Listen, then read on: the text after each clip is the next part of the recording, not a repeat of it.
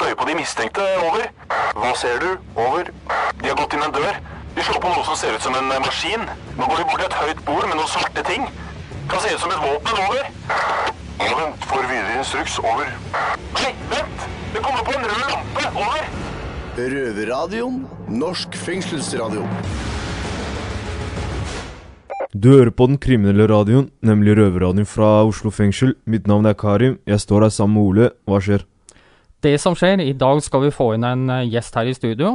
Eh, og så vidt jeg veit, så har jeg hørt noen rykter, Karim, at du har venta på han her i over i et halvt år. Stemmer det? Altså, jeg hadde lyst til å snakke med den karen her, da. Du vet, mange av oss sitter inne fordi at vi jakter penger. Mm. Og den mannen her har jo vokst opp med penger. Altså så mye penger, han trenger ikke å løfte en finger eh, i hele livet sitt. Nei. Så det er spennende, da. Ja. Men eh, allikevel så jobber han jo tolv timer hver dag, så det er ganske store motsetninger, da. Ja, han er faktisk sjef, og han er styreleder i Ferd. Han eh, leder også Etikkrådet til eh, oljefondet. Og han driver med sånn sosial entreprenørskap, så vi får finne ut hva det er og hva da han driver med, da, når Mm. vi snakker med han. Ja. Mm. Han er jo også opptatt av å gjøre eh, velferdsstaten, velferdsstaten bedre. Men han har jo levd et ganske annerledes liv da, enn mange her på innsiden. Så det kan bli spennende å se om vi kan utveksle noen erfaringer etter hvert. da. Ja, så det blir en eh, spesiell dag her på Ja. I Oslo fengsel. Ja, og for en gangs skyld skal vi få lov til å være med og ta imot gjesten. Eh, og det får vi egentlig som innsatte eh, ikke lov til, men eh, nå skal fengselsleder da, Nils Finstad ta oss med på besøket, slik at vi kan ønske han velkommen der, da. Ja, og hva er det vi skal gjøre når han kommer? da? Skal vi bare nikke, eller skal vi hilse, eller hva? Jeg foreslår at vi skal både bukke, nikke og neie, for å være helt sikker. Det skjer ikke, altså. Ja. Men eh, nå kommer fengselsledere straks. Vi er klare til å ta imot eh, Johan H. Andresen, så vi får se hva som eh, skjer, da. Når en av Norges rikeste menn skal inn i Oslo fengsel og sone litt. Ja, det blir spennende. vet du.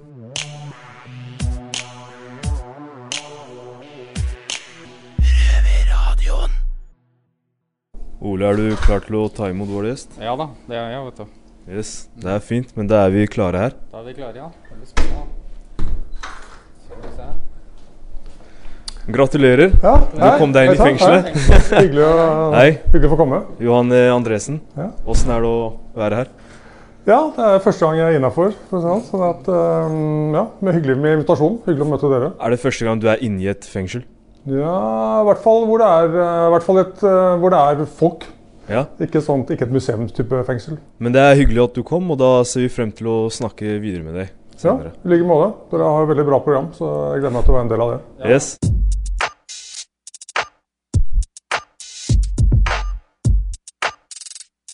Ok, velkommen til eh, vårt uh, røverstudio her i Oslo fengsel. Eh, Johan Andresen, Takk skal du ha. hyggelig å ha deg her. Du har et mellomnavn som starter på H. Hva, hva er det for noe? Henrik. Ok, Johan Henrik Andresen. Hva syns du om å være i fengselet så langt? Um, jeg syns dere jo for det første tar veldig godt imot meg, da. Um, så dere er på en måte en vennlig, vennlig gjeng. Så det, så det er kanskje ikke akkurat sånn som alle opplever fengsel fra, fra utsiden. Kanskje dere gjør det litt ekstra flid da, i, i dag. Men um, ja, jeg vil ikke si at det gir mersmak akkurat. jeg er kanskje drar dra den litt, litt langt. Ja. Men ehm, jeg syns dere har eh, utviser bra verdier her. Både dere som jobber her, og dere som er her ellers. Men vi syns det er ganske kult at du er her. Eh, skal røpe at jeg har nevnt eh, navnet ditt til noen i avdelinga, ikke sant. Og så sier du med en gang 'Ja, er det den eh, Tobakk-familien?' Så sier jeg eh, ja. Eh, men det stemmer da at du, din, du og din familie har på en måte eh, gjort deres velstand ved å selge tobakk? Ja, det var fire generasjoner med, med tobakks... øh, Ja, øh, generasjoner med som solgte tobakk, ja, det er riktig. Og så solgte øh, vi bedriften i 98. Mm. Så mm, siden den gang så har vi gjort en del andre ting. Og jeg skulle hilse fra en i avdelinga som sier at han har sponsa dere i snart eh, 50 år. Ja, ja, ja det, er nok, det er nok ganske mange, mange av de, så man kan nok etter hvert begynne å gjøre andre ting. Ja. Men eh, hvordan var firmaet da du var liten, og hvordan har det liksom blitt nå, da?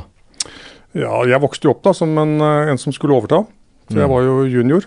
Um, og ble jo oppdratt til at uh, dette var uh, både min fremtid og at jeg skulle føre bedriften videre på, på en best mulig måte. Men, um, men det, tobakken hadde jo sånn sett ikke egentlig en sånn lang fremtid foran seg. Så på en måte var det en, for meg en mulighet eh, når vi da solgte, til å gjøre helt andre ting. Altså Vi kjøpte jo bedrifter, vi har starta opp dette med sosialt entreprenørskap.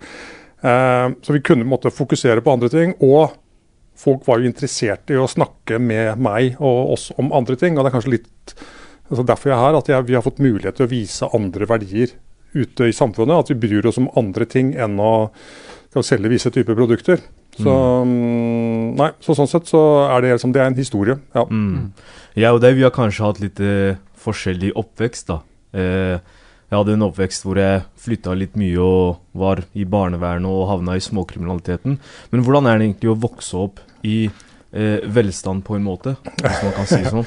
Ja, vi ble jo noen som sier at jeg ble født med ikke bare en uh, sølvskje, men en helt bestikksett i kjeften. Um, men vi, uh, far og mor var veldig sånn at vi var på en måte, Jeg var sistemann som fikk sykkel, og sistemann som fikk uh, slalåmutstyr og sånn. Det skulle liksom være veldig nøkternt.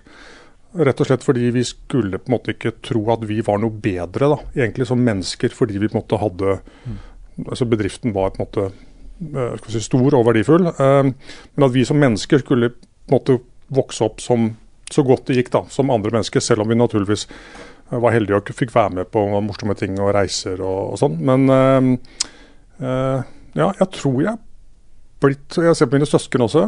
De er ganske ålreite mennesker alle sammen. Så det, Ikke for å skryte av familien, men eh, Men, men det høres ut Ja. som dere kommer fra en ganske jordnær familie, da. I hvert fall sånn med første ørekast, liksom. Ja, for den store faren vet du, for, en, for en arving da, for å si det sånn, er jo at uh, man måtte gå helt over styr. ikke sant? Du bruker penger som en, en full sjømann, holdt på å si. eh, og, eh, ja, ikke sant? og I verste fall kan du ødelegge bedriften. ikke sant? Eh, på mange måter. Enten ved at du roter bort penga, eller at du viser, at, viser alle at nei, men den bedriften vil ikke jeg jobbe i. For han er jo en tulling. Han, han kommer jo aldri til å skape noe vekst eller uh, gjøre noe spennende. Så uh, ja. Nei, så det er hvordan man måtte opptre både som arving og som bedriftseier og leder. Det ja, apropos dette med tillit. ikke sant? Du skal vise du skal gjøre deg tilliten verdig. Ja, akkurat det med tillit, var det en litt stor Var det en byrde da du var litt yngre at eh, du skulle ta over det her, og var det, litt, var det vek, stor vekt på skuldrene dine på en måte? Ja, du følte liksom at du ble, ble født med ansvar. Mm. Um, og arbeiderne på spesielt da på, på JL Tidmanns, eh, de, de forventet jo at, at det var jeg som skulle overta, og jeg skulle måtte være med å trygge deres fremtid. da, på en måte. Så, um, men etter hvert som ja, Jeg vokste jo opp med det, så det ble ikke noe nat unaturlig, egentlig. Mm. Um, så jeg har vel ikke følt det tyngende, annet enn at eh, det var sånn, det var litt tyngre den gangen det var tobakken, for det ga begrensede muligheter. Men nå som, ja, så nå har vi, har vi andre muligheter. Men jeg har et spørsmål angående det kanskje være et litt sånn eh, Et kjent ansikt da, som du har kanskje, at folk vet hvem du er.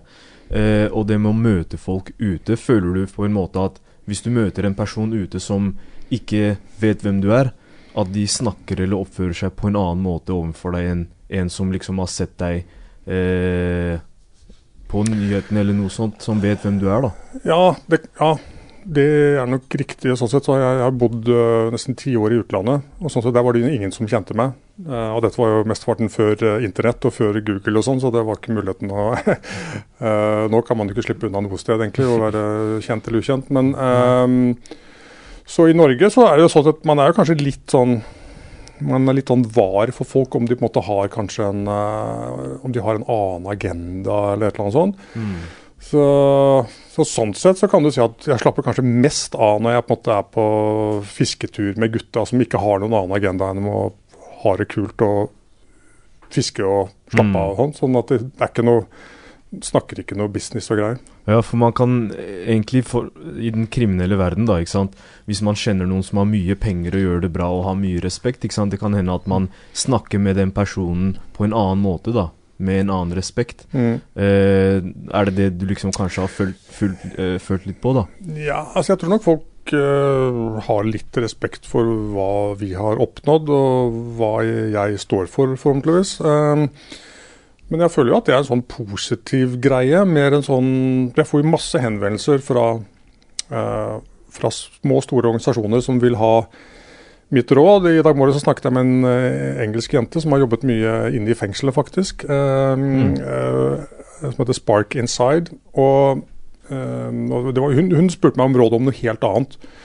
Og jeg bidrar gjerne til nye mennesker som ønsker å skape nye muligheter, spesielt for andre. Uh, så jeg føler ikke at det er, liksom, at det er, at det er masse sånne folk som skal ha penger, bare. Nei. Mange vil på en måte ha, ha råd og, og vink, og kanskje en kontakt eller et eller annet sånt, for å komme litt eh, videre. Ha, har du opplevd at andre har hatt eh, andre typer eh, agenda enn hva de på en måte i utgangspunktet utviste seg for, eller? Det, det er ikke sånn at jeg liksom mistenker folk for å ha en annen agenda. Nei. For det er liksom litt sånn dårlig start på en samtale eller en, en prat. Så Jeg forsøker ofte å komme ganske kjapt frem til altså, hva, ja, hva, hva, hva bruker du tiden din på, liksom? For det er kanskje akkurat det spørsmålet er det som på en måte er mest sånn, si, avslørende eller givende. Da, på, I og med at vi alle har, lever omtrent mer eller mindre like lenge, så er på en måte alles tid like mye verdt. Eh, og hva man da bruker den tiden på, det er ganske sånn uh, Nei, jeg vet ikke, jeg bare henger, liksom. Ok, men har du lyst til å bruke den på i fremtiden, liksom? Så, og mange som kommer til meg, da, de har faktisk en, eh, de har en ambisjon om å gjøre et eller annet. Eh, stort eller lite. Eh, og det og folk som måtte ha litt initiativ, det syns jeg er kult. Eh, og det er, det er ikke så nøye egentlig hva det er, så lenge det er liksom Ok, det må innenfor loven, da. Eh, Men eh, fortrinnsvis. Og hvis det er noe for, for andre mennesker kanskje som ikke bare er en Det kan jo være en egotripp. altså Du kan jo, være, du kan jo gjøre noe som bare er for deg sjøl. Det er viktig nok, det. altså. Men, men mange som kommer til meg, det er i hvert fall de har en ønske om å bidra til samfunnet på en eller annen måte. Ja. Mm. Jeg har egentlig et litt lurespørsmål til deg. Ja, jeg venter på det. Hvis du ikke var født inn i dette her, eh, hvilken, eh, hvilken type yrke kunne du tenkt deg å gå inn i eller bli? da? Eller hva kunne du tenkt deg å blitt? da? Ja, Det har jeg faktisk tenkt på, for det, eh, for det spørsmålet har jeg stilt meg selv. Og da har jeg egentlig to svar. Det ene kommer du kanskje å like, og det andre ikke. Men eh, eh, jeg var på jeg vet ikke om dere, Det, finnes en eh, berømt teaterforestilling som heter The Mousetrap av Agatha Christie. Eh, og i den eh, er det en logisk feil. Altså Hun har selv sagt i sitt testamente at den som oppdager den logiske feilen, da skal det stykket stenges ned. Eh, og det har nå gått i ja, nærmere 40 år siden. Og, og det gikk på Nationaltheatret en gang, og da var jeg med mor og far. Jeg tror jeg var 11-12 eller noen. Og da jeg kom ut, så mente jeg at jeg hadde funnet den logiske feilen. Mm. Og så sa, så sa mor og far For jeg, jeg, jeg forklarte hvordan resonnementet var. Og sa at ja, det, kanskje du har rett. Kanskje, det er, ja, kanskje du har rett, men tenk på alle de som ikke nå får lov til å se det stykket, som ikke får lov til å spille stykket, hvis du forteller hva det er. Mm. Det hadde jo ikke jeg tenkt på. Jeg synes det var dritkult at jeg liksom avslørte Men det fikk meg til å tenke på at jeg tror jeg kunne blitt en ganske god sånn eh, ja, eh, etterforsker. Altså, ikke nødvendigvis bare sånn ikke så mye blod og gørr og sånn type greier, men det er sånn ja, jeg, vet, jeg tror jeg har en bra dose med empati og bra dose i forhold til å se hva, hvordan ting kunne utvikle seg, hvordan folk har tenkt, hva slags scenarioer kunne dette vært en del av osv. Så, videre. så um, en etterforsker i en eller annen eh, setting tror jeg kunne vært. Alternativet er å ha vært eh, en um, ja, forfatter. Mm. jeg, jeg, jeg liker å skrive. Jeg skriver egentlig altfor lite i forhold til hvor moro jeg syns det er. Så, men jeg skriver noe, jeg har utgitt noe som, eh, under pseudonym, da. eh, som faktisk er på trykk nå, som ingen vet. eh, eller bare en liten håndfull som vet det. Så det kan jeg avsløre en annen gang. kan, jeg, kan invitere meg tilbake. Ja. Over til kanskje noe, eh, et litt annet tema. Eh, nemlig rett og galt. ikke sant? Vi sitter jo i fengsel. Mm. Men eh, du leder jo eh, Etikkrådet i oljefondet. Ja. Eh, kan du kort forklare hva det går ut på? Ja, ehm, kort. Det blir litt vanskelig, men ehm, ja, oljefondet er jo vår alles eh, formue. Og er vårt oppdrag da, det er å, å se til at, eh, at selskapet ikke, eller fondet ikke er investert i selskaper som eh, begår brudd på retningslinjene. Og det er, det er menneskerettighetsbrudd, det er type korrupsjon, det er eh, miljøbrudd, klima. Eh, og så er det også noen produkter som, eh, som de ikke får lov til å investere i, som bl.a. tobakk eh, og visse typer våpen og osv. Så, videre. så, så vårt eh, vårt jobb er egentlig å måte hele tiden se på de 9000 selskapene i fondet eh, og forsøke å finne verstingene. Mm. Og, og gå i dialog med de, og hvis de ikke ønsker eller vil kan endre seg, så kan de bli eh, foreslått utelukket. Men hvis det er et firma som er litt i grenseland, da, eh, som er i gråsonen, har dere sånn heftige diskusjoner om eh, Ja, det er absolutt. Da kan vi ha ganske lange diskusjoner om eh, Og hvis vi ikke har tro på at de kommer til å bedre seg, så ja, så kan vi anbefale at de blir eh, utelukket.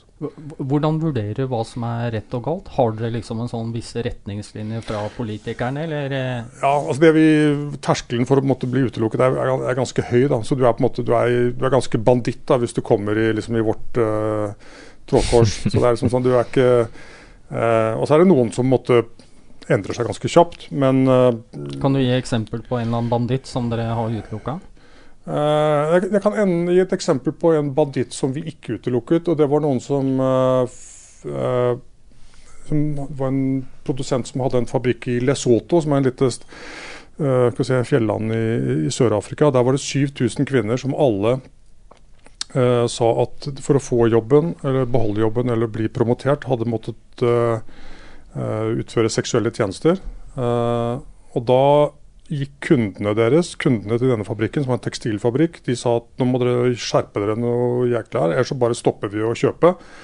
Uh, og, og da fikk vi faktisk uh, laget et system, det er ikke vi, da, men kundene deres, mm. som gjør at kvinnene fikk en tryggere arbeidsplass og ikke ble trakassert uh, på samme måten. Får vi se hvordan det går. Eh, Men det er på en måte kanskje mer en seier da, i gåseøynene enn å hive ut noen som er litt sånn hakk i kjeftet-type greie. Som er jo, får mye overskrifter og greier. Får ikke noe overskrift for denne her.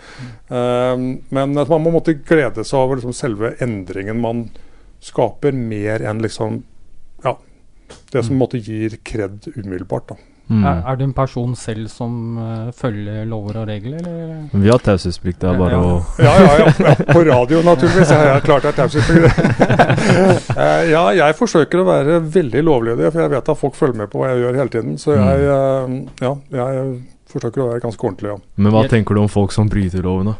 Sånn som meg og Karin. Ja, altså jeg har ikke noe Som sagt, vi har ikke, jeg har ikke stilt et eneste spørsmål om hva dere har gjort. Jeg er mye mer interessert i hva dere har tenkt å gjøre nå, eller hva, hvordan dere ser på fremtiden og sånn. Mm. Så at um, jeg dømmer ikke noen for, ja, for det, er, det er forutsetninger i fortiden deres som, er, som jeg ikke har noe, noe grunn til å sette meg til doms over. Mange hevder penger er makt. Eh, hva er dine tanker om det, Jon? Ja, det er jo det. Det er jo litt avhengig av hvordan du bruker det, da. Øhm, Det gir innflytelse, det er vi sikkert enige om, ikke sant? Ja. Mm. Så rundt i verden så er jo, finnes det jo mange fattige folk da, som ikke har så mye. Eh, har du noen gang gjort deg tanker om Hei, hvorfor ble akkurat jeg født inn i det her? At du har fått litt dårlig samvittighet uten at du trenger å ha det, da. Men at, at du har sett på kanskje mye fattigdom og lidelser, og så har opplevd at du på en måte tenker at, at du får litt dårlig samvittighet for det. Da. ja, jeg tror alle som er ganske vel off sånn øh, Ja.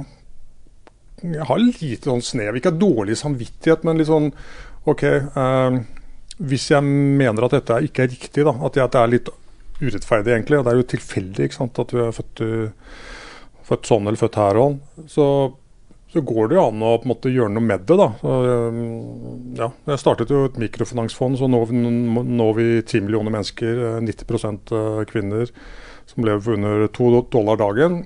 Og Det er ikke det at liksom, det er noe plaster på såret, men det er litt sånn OK, da brukte jeg penga som jeg var inne på, sant, til noe bra, som Mm. faktisk bygger videre. Så man kan liksom ikke adressere alle problemene, men man må ta tak i noen. da.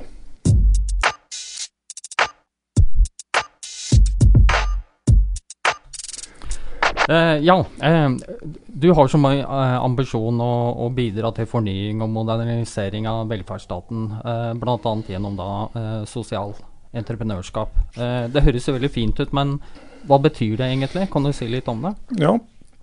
En sosial entreprenør er en person eller en organisasjon som har en ny løsning, altså en innovativ løsning, på et ofte kronisk sosialt problem. Mm. Um, Et typisk eksempel er altså en gateavis, f.eks. er en Det er ikke en sånn, nødvendigvis en innovasjon hvis du gjorde det i en by, i Norge i dag. Men hvis du introduserer det for noen som ikke har det, så er det en viktig ny mulighet for dem. Um, som faktisk hjelper. Dere, dere kjenner jo til det. En annen ting er en um, Vi har en liten bedrift som ansetter bare folk med Asperger syndrom. Uh, som har et brennende interesse for data og IT. Og de er fantastiske eh, konsulenter. Så de har faktisk de skaper store verdier for selskaper som Equinor og DNB og Statkraft og ja, alle. Eh, og det er fordi man har laget da en setting for dem, altså en, en ny mulighet eh, for å på en måte utløse deres potensial. Da. Um, og det er ofte det som vi jobber med, i hvert fall, det er på en måte å se etter hva slags potensial har folk, og hvordan kan vi på en måte bidra til en organisasjon som måtte få det potensialet til å, til å blomstre. Da. Eh, og noen trenger jo bare en, sånn, en ny mulighet, en, en jobb, liksom. Mens andre trenger kanskje litt mer tilrettelagt, litt sånn spesialisert, eh, som disse som har Asperger syndrom. Så poenget er egentlig at velferdsstaten trenger innovasjon. Altså de trenger eh, nye løsninger på gamle problem som man ikke klarer å løse. Eh, og vi kan ikke vente på en reform liksom hvert 10-15-20 år. Så innimellom, eller underveis, så må vi ha alle disse innovasjonene. Så det vi gjør, er egentlig vi finner De kommer til oss ofte og spør om eh, hjelp, og da bidrar vi med kapital. Eh, vi bidrar med mennesker i styrer, eh, på forretningsutvikling, med nettverk. Eh, noen ganger investerer vi egenkapital, og andre ganger gir vi de direkte støtte i en eller annen grad. Mm. Så, og så håper vi at de blir store, og at de blir eh, landsdekkende. Og noen har også blitt store utenfor Norge. Mm. Ser du noen mulighet til å integrere eh, sosial, eh, sosialt entreprenørskap f.eks. da med eh, det du har sett her i fengselet? Er det mulig å kombinere dette, eller ser du noen muligheter, liksom? Ja, på en måte. Litt av utfordringen her tror jeg er at i hvert fall hvis man skulle skape noe som var la oss si, kommersielt eh, drivverdig. Da, at de som ja, Det kunne for så vidt vært eh, noen som innsatte som drev det også. Men noe av utfordringen i dag er at eh, de som kommer med disse løsningene, får ikke nødvendigvis betalt verdien av dem. De får betalt for den timeverdien eller, inns eller innsats. De får ikke betalt for resultatene. Så hvis vi for eksempel, altså Det har jo vært gjort forsøk på uh, å, uh, å legge til rette for, um, for innsatte som skal ut. Forbereder de på det. Eh, skape et miljøsetting på utsiden. eh, og så måtte få betalt for den løsningen hvis du har mindre tilbakefall da, enn du ville hatt hos en annen gruppe. Så dette er en, en kjent eh, metode, bl.a. Fra, fra England. Um, Mm. den har ikke vært forsøkt i Norge ennå. Jeg er litt usikker på hvorfor. Vi har snakket med bl.a. Uh, Wayback om det, men vi har liksom ikke helt funnet, funnet modus operandi for det. Du er jo en arbeidskar, da, og du er jo fortsatt i arbeid. Jeg regner med at du er opptatt eh, Ja. meste av dagen med et eller annet Ja. type arbeid. Ja, Eiere er egentlig alltid på jobb, det er bare et spørsmål om graden av aktivitet. Ja, men, men, men så tenkte vi på at greit eh, Du har kanskje nok penger egentlig til å slappe av og ikke jobbe mer. Men hva er det som driver deg til å fortsette å arbeide når du egentlig bare kunne ha gått på ferie og slappet av, egentlig? Ja, um, jeg lurer på det inn, innimellom. Ehm, men uh, det er det med jeg tror å fylle livet med en slags mening. Uh, og jeg er veldig glad i å gå på jakt med bikkja mi og fiske og sånn, men det er måte det er meningsfylt på, en, på ett område. Men det gir på en måte ikke noe sånn uh, Hva skal vi si Jeg blir litt sånn Jeg trenger noe mer rush, da, noe mer ståpels av å gjøre en forskjell, f.eks. Um, om du får mer eller mindre fisk, det spiller kanskje ikke så stor rolle, selv om det er veldig spennende der og, der og da. Men når jeg ser at noen av de ungdommene disse sosiale entreprenørene jobber med, måtte får, velger seg en helt annen fremtid, Mm. og du får tilbakemelding på at dette funker fantastisk bra, um, så tenker jeg wow, det vil jeg gjøre mer av. Ja. Det vil jeg være med på å spre. Eh, og det gir et sånn rush, og når du først har fått det der rushet, så vil du bare ha mer av det. Fordi jeg, jeg har snakket, eller Vi snakker jo hele tida med Vi sitter jo her, ikke sant. Snakker med de vi sitter med. Og det er mange som sier at ja, hvis jeg bare hadde penger eh, nok, så hadde jeg ikke jobba en dag resten av livet. Ikke sant. Men eh, du føler ikke det, da? Du, Nei, jeg tror faktisk det der uttrykket ledegang er roten til ikke alt vondt, men til i hvert fall altså, Når man begynner å kjede seg, mm, så finner man på ting. eh, og så og så før eller senere, hvis du har nok penger altså Det er folk som har hatt nok penger, som har rota bort pengene veldig fort. Ja. Men, men eh, Jon, eh, du kunne jo begynt med så veldig mye ting. Altså fra A til Å, for å si det sånn. Hva gjorde at du akkurat valgte å, dette med som du jobber med nå? Sosialt entreprenørskap var, var litt grann en tilfeldighet. Eh, Jeg fikk noe inspirasjon bl.a. gjennom Ungt entreprenørskap, som er et program i skolen. Og så så jeg der at de som var gjennom det, mange av de startet jo ikke opp en bedrift. Men det gjorde noe med dem. Um, Tidligere i dag så snakket vi litt om dette med selvinnsikt. Altså Hva er det du får selvinnsikt av? Jo, du får selvinnsikt av å prøve noe som du ikke har prøvd før, og så lære noe av det. Uh, og jeg så mange av disse ungdommene, de ble rett og slett de, ja, de ble bedre personer. Altså De tok bedre valg fordi de hadde turt å gjøre noe. De hadde fått en erfaring, uh, og så hadde de lært av den. Um, og En form for mestringsfølelse, mener ja, du? Ja. absolutt. ja. Og de store eliten, og noen fant ut at de var gode på liksom, å gjøre research, noen var gode til å selge, noen var gode til å, ja, til å lage grafiske uttrykk. Mm. Um, og så man, ja, så I den settingen altså, oppdaget de at de hadde noen styrker og svakheter som de kunne bygge videre på. Så Men jeg vil gjerne snakke med deg om et av prosjektene dine, Mhm. eh, som heter eh, Forandringsfabrikken. Eh, som driver og jobber med barn i barnevernet. da. Ja. Eh, mange av vi som sitter her nå, har eh, fortid med barnevernet.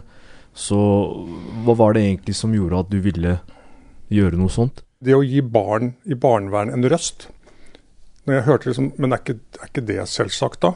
Ikke, Mm. liksom, skal ikke det være der allerede? Så Da fikk jeg liksom litt um, bakoversveis. Jeg tenkte at det, det, det, dette er ikke riktig. Liksom. Dette, dette kan, sånn kan det ikke være. Og jeg hørte historier liksom at ja, når, uh, når barna sa, sa at ja, men hvis dere henter oss midt på natta, ikke kom med politi, eller uh, helst ikke la de være uniformert, Mm. Sånn, Oi, ja vel. Er ikke, det, er ikke det en medmenneskelighet som burde vært på plass, liksom? Eh, eller at eh, seks av ti søsken blir eh, splittet, liksom, når de blir henta. Sånn at, det er noen, det er noen sånn, sånn systemfeil her. Som jeg tenkte at dette er urettferdig. Dette vil jeg være med og gjøre noe med. Så at, også Hun som leder av Marit Sanner er en fantastisk dame som ikke tar en hun tar, hun, hun tar aldri nei for et svar, for å si det forsiktig. Eh, Det er noen som syns at hun er litt eh, røff innimellom. Men mm. eh, for en god sak så må man av og til eh, børste noen mothårs. Men eh, i hvert fall, de har jo da fått Jeg vet ikke om du har hørt det. Dette er egentlig en kul sak, da, for dette er helt unikt. Eh, De har da klart å få inn et nytt ord i norsk lov. Mm. Vet ikke om dere har hørt om det? Altså, Nei. Nei.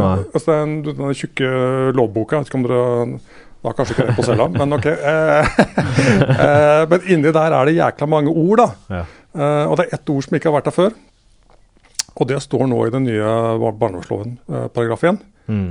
Og det ordet er kjærlighet. Kjærlighet. Er ikke det kult? Altså, det kommer et nytt ord i norsk lov, og det ordet er kjærlighet. Var det ikke der fra før? Nei, nei, men hvor skulle det stått? Ikke sant? Ikke sant? Det, det folk, nei, men skal du, kan ikke, du kan ikke lovfeste kjærlighet. Det går ikke. Mm. Men det står nå at uh, folk som arbeider i barnevernet, de er, forplikter seg til å utvise kjærlighet for barna. Det er veldig viktig. Ja, sånn at det er ikke og det er ikke sånn, og det burde jo være litt trist kanskje at det, er, at det må stå der, men på den annen side er det også en sånn løft om at ok, dette er mulig å få inn. ikke sant? Og det, så Forandringsfabrikken har en litt sånn, litt sånn legendestatus eh, rundt omkring. for De har vært, de har vært nesten i alle liksom, de har vært i alle politihus. og de har vært på skoler og de har vært på alt, nesten alle kommuner. og sånn, Så de, ja, de er godt kjent nå. Eh, noen liker de, og noen syns de er eh, en pest og plage. Men de gjør en uh, viktig jobb. Jeg syns det er veldig fint at noen tar opp kampen, da. Ja, Med det. enig. Mm. Mm.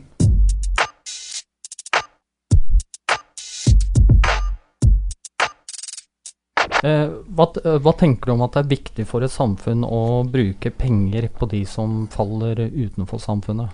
Hva Ja, det er en, Stort sett er det en ekstremt god investering.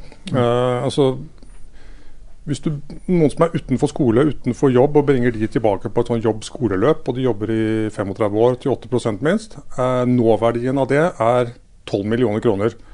Og Det betyr at du kan investere ganske mye i en enkeltperson hvis du har en løsning som fungerer. Og med høy sannsynlighet for at den personen kommer tilbake på den tracken. Så poenget er litt at man, man sprer nok liksom pengene veldig sånn tynt utover, og er litt for lite målrettet på de tingene som man virkelig ser fungerer, som gir kalles av både sosial, mental, menneskelig, men også økonomisk eh, effekt da, for samfunnet. Mm. Så, og du, du, har enda større på en måte, si, payback da, hvis det er noen som er la oss si, de er på kjøret eller de, ja, de, de, får vold mye skade i samfunnet. Da, både for seg selv og andre. For da, da, har de en veldig stor kostnad ved det også. Ikke bare at de ligger liksom hjemme på på gutterommet og slenger, liksom. Uh, så Da får du liksom hele kostnadsgevinsten. Så svaret er hvis du har noe som funker, ja, invester i det. Et kanskje ganske kanskje et litt stort spørsmål, men hva er det du har lært i løpet av ditt arbeid med sosialt entreprenørskap? Uh, at det å gi folk muligheter er uh, en kjempegod investering. Mm. Og det har du sett på fra første rad? Absolutt. Og det er klart det er ikke alle som griper den muligheten av forskjellige grunner. Det er noe med tilrettelegging. Men ja, det har jeg sett. Enten det er uh, veldig unge, eller vi har til og med en sosialentreprenør som heter Gammel nok, som bare er de over, uh, over 50 eller over 60. Mm. og det er aldri for sent å gi folk en mulighet. Mm. Hva tenker du om at store firmaer og, og, private aktører og dem sitt ansvar, da, eller kall det sosialt ansvar? Hva mener du om det? Ja, det er et godt spørsmål, faktisk. Fordi um, altså, det største ansvaret de har, er på en måte å skape verdier. Og så er det spørsmål hvordan gjør de det. Uh, fordi å på en måte, skape arbeidsplasser, sånn rent sånn til oss i standardarbeidsplasser, eh, er jo en god ting. Men det å legge til rette for folk som måtte ja, ha litt hull i CV-en eh, eller andre ting, det er ganske krevende. Det krever mye av en bedrift for å følge opp og ha folk som måtte, både kan og vil og, uh, og, så er det jo som dere vet, det er ikke, det er ikke flust av jobber på liksom Hva heter det sånn På gateplan, da. ikke sant. Mm. Uh, så det er en god idé å bruke muligheten når det er innafor, til å på en måte lære noe nytt. Det tror jeg er kjempebra. Og som vi snakket om tidligere i dag, altså Et av spørsmålene vi uh, stiller da, når vi ser at folk har hull i CV-en, okay, men hva gjorde du da? Hva gjorde du med tiden din? Og Hvis man brukte den på og lærte seg noe nytt. Eh, mm. Eller man leste noe og fikk noe innsikt. Så Det er bedre enn liksom å bare Nei, bare Jeg gjorde ingenting. Jeg. Bare slang. Bare hang. Mm. Hadde, hadde, du ansatt en med uh, hull i CV-en? Eh, ja, det kommer an på Ja, men det, altså, det, er, ikke, det er, ikke, en kvalifikasjon av hull i CV-en. Det, det, må, det, må ha, Nei, det var litt satt på spissen. Ja, ja, det må ha litt mer, litt mer foroverlent enn uh, å lene deg på hullet, holdt på å si. Det må, ja. måte, uh, du må på en måte vise noe hva man har lyst til å gjøre fremover. Da. Uh, ja, selvfølgelig. ja. Men så, når du hadde alt annet på stell, ja, ja, jeg tenkte på, så hadde du liksom et stort gap på noen år midt i CV-en din. Nei, Hvis du har, noe, har en bra bra resonnement for hvorfor det hullet er der, og hva du på en måte lærte av det. da. Hvis jeg hadde sagt at jeg har sittet i fengsel i fem år, hva, hva hadde du svart? Ja, hva lærte du av det, da? Å ikke gjøre det samme en gang til. Ja, ja, det er en bra start. Men etter at vi har snakka med deg nå, så skal vi faktisk eh, opp til eh, vår avdeling, min ja. og Ole sin avdeling. Så skal vi spise en eh, fengselsmiddag sammen. Hvilke forventninger har du til det? Jeg vet at altså, Det blir ikke noe hummer, og vi har ikke noe Michelin-stjerne her oppe i åttende. Eller russisk kaviar, for den saks skyld. Ja, men eh, kanskje det blir fiskeboller i dag? Ja, høyst sannsynlig. Det er i hvert fall fisk i dag, så vi får se hva vi får. Hvilke, hva tror du om den maten vi får? Eh, jeg kommer ikke her for maten, jeg kommer her for å møte dere, blant ja. annet. Ja, veldig bra svar. Ja, det er veldig bra svar. Nei, men det er hyggelig. Men til slutt, er det noe du vil spørre oss om, da? Vi har jo sittet i fengsel relativt en god stund nå. Spør om alt. Ja, Men hva, dere, hva er liksom deres råd da til uh, folk som syns at dere er litt uh, kule, og dere har liksom litt kred, gatekred, og liksom, det er ikke så kjipt å være innafor? Er det det liksom? Og, hva, de, hva, slags råd vil dere gi til unge? Det jeg egentlig sier til uh, de yngre når jeg møter dem, det er at det er ikke så kult, ass. Det er eh, Jeg skulle ønske personlig at eh, jeg bare gikk skolen, ikke tok noe friår, fokuserte på skole, aldri gjorde noe kriminelt. Fordi det, er, det er ikke verdt det til slutt. Men så er man inne i det plutselig, og så går livet fort. Men uh, shit happens. Ja, for, det- for det er ikke kult å være i fengsel, det som veldig mange unge på utsiden tror, da. Mm. Ja. Johan Adresen, takk for besøket. Det var veldig hyggelig å Takk, ha deg her. ha deg. Så da stikker vi opp og spiser middag. Ja. Ja. Takk for at du fikk komme. Jeg Yes. gleder meg til maten. Når som helst. Det har vært stille fra over en time. Hva skjer? Over. Det er bare et radioprogram. Det er lettere å høre på dem der. Over. Ja, vet du når det går, da? Over. Det er samme tid og samme sted neste uke. Over.